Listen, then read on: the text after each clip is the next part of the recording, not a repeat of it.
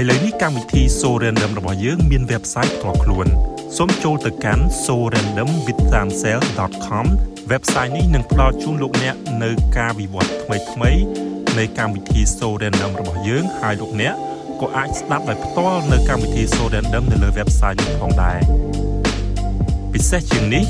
យើងបានបង្កើតកម្មវិធីថ្មីមួយឈ្មោះ The Journal ដែលជាកម្រងអត្ថបទនិងរូបភាព រៀបរាប់អំពីដំណើរនិងសង្គមនានាសូមលោកអ្នកចូលទៅកាន់ sorandomwithsansel.com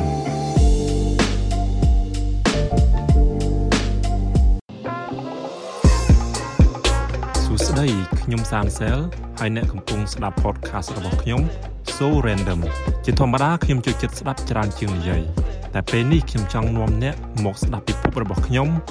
អំពីគំនិតរាយប៉ាយនានាដែលកើតឡើងបន្ទាប់ពីការសមាធិរបស់ខ្ញុំខ្ញុំសង្ឃឹមថាអ្នកនឹងចាប់អារម្មណ៍ឬមួយក៏អាចយល់ថាមានប្រយោជន៍សួស្តីអ្នកទាំងអស់គ្នា សូមស្វាគមន៍មកកាន់កម្មវិធី So Random របស់យើង នៅភាគថ្មីនេះហើយសុខទុក្ខយ៉ាងណាដែរអ្នកទាំងអស់គ្នាមួយសប្តាហ៍កន្លងទៅនឹងក្នុងពេលមួយសប្តាហ៍នេះខ្ញុំបានទៅចូលរួមកម្មវិធីមួយ អង្ការពីថ្ងៃសៅរ៍ នៅតែប៉ែហ្នឹងគេមានរៀបចំគេហៅ LGBT+ Pride មានន័យថាគេប្រមូលផ្ដុំគ្នាដើម្បី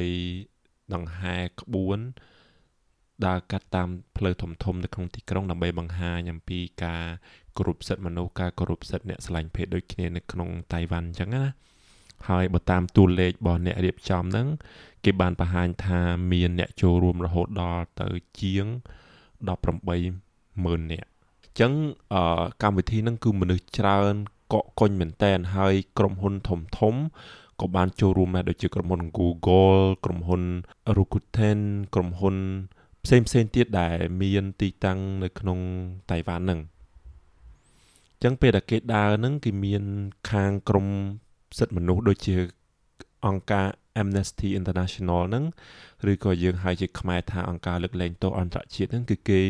រៀបចំជាឡានរបៀបឡានធំមួយហើយគេមាន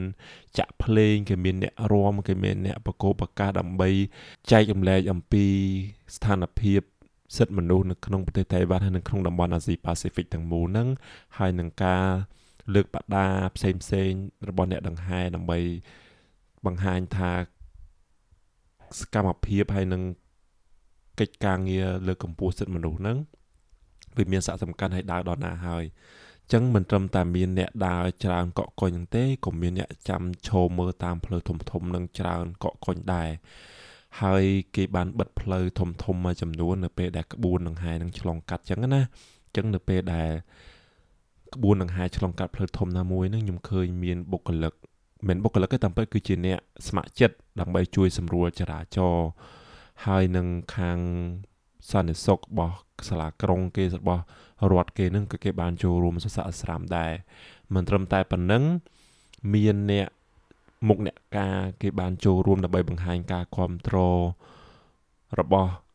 រដ្ឋាភិបាលទៅលើកិច្ចការងារលើកតម្កើងសិទ្ធិមនុស្សនឹងកម្មវិធីហ្នឹងគេរៀបចំ ប្រមូលផ្ដុំគ្នានៅមុខសាលាក្រុងតៃប៉េ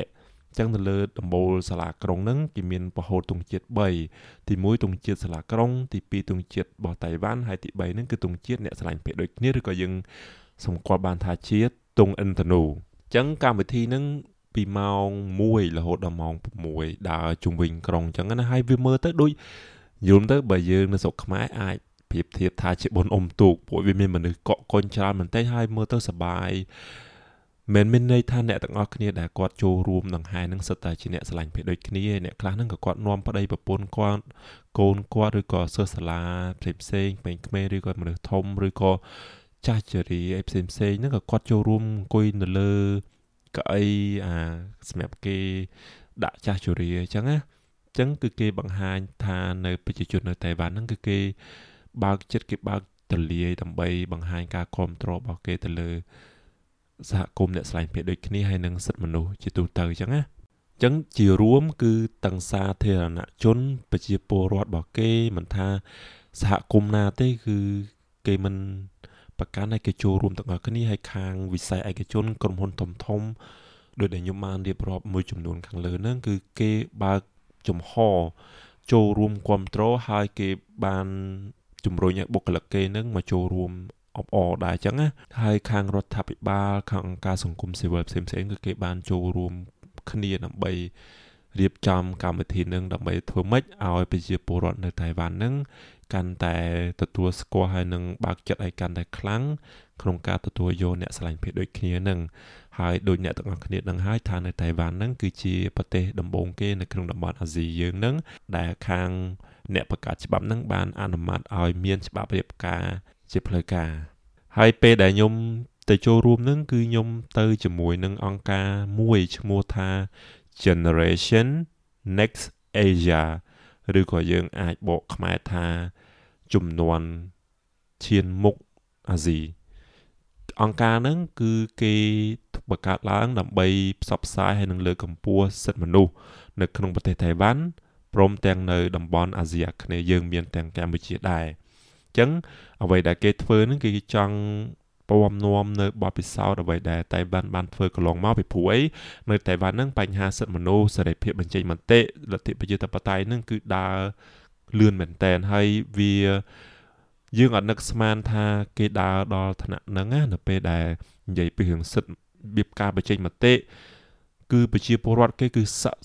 កម្មមែនតែននៅពេលដែលមានបញ្ហាមួយដែលគេគិតថាវាប៉ះពាល់ដល់ប្រយោជន៍រួមប៉ះពាល់ដល់ប្រយោជន៍សហគមន៍សង្គមនឹងគឺគេ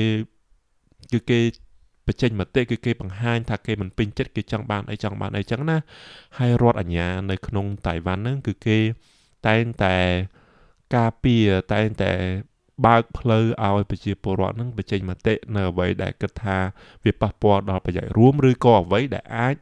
នាំមកនៅប្រយោជន៍ជារួមសម្រាប់សង្គមរបស់គេហ្នឹងហើយ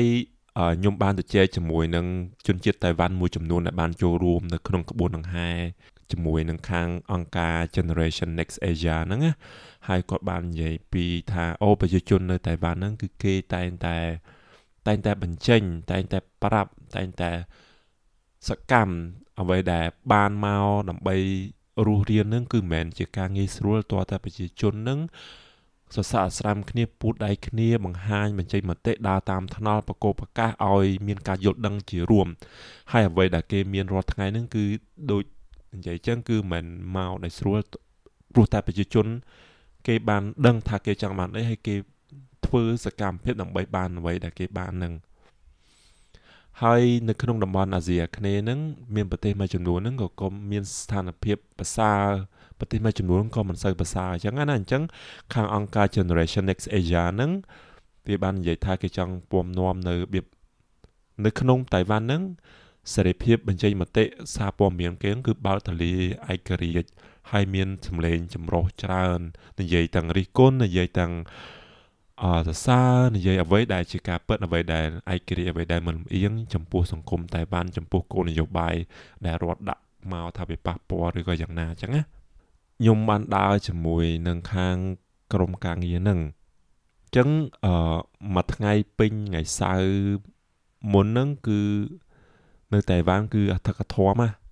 អញ្ចឹងខ្ញុំសូមអរគុណច្រើនចំពោះអ្នកទាំងអស់គ្នាដែល ដែលបានតាមដានស្ដាប់ពីដើមរហូតមកដល់ទីបញ្ចប់នឹងខ្ញុំសូមជូនពរអ្នកទាំងអស់គ្នាបានសេចក្តីសុខចម្រើន ហើយយើងនឹងជួបគ្នានៅក្នុងភាគក្រោយទៀតសូមអរគុណសូមជម្រាបលា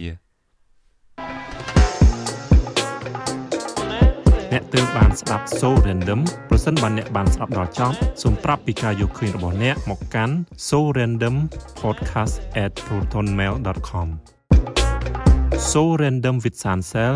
ផលិតថតនិងកែសម្រួលដោយខ្ញុំភ្លេងដោយ Soy B រចនាគម្របដោយខ្ញុំយើងនឹងជួបគ្នានៅពេលលើកក្រោយទៀត yeah.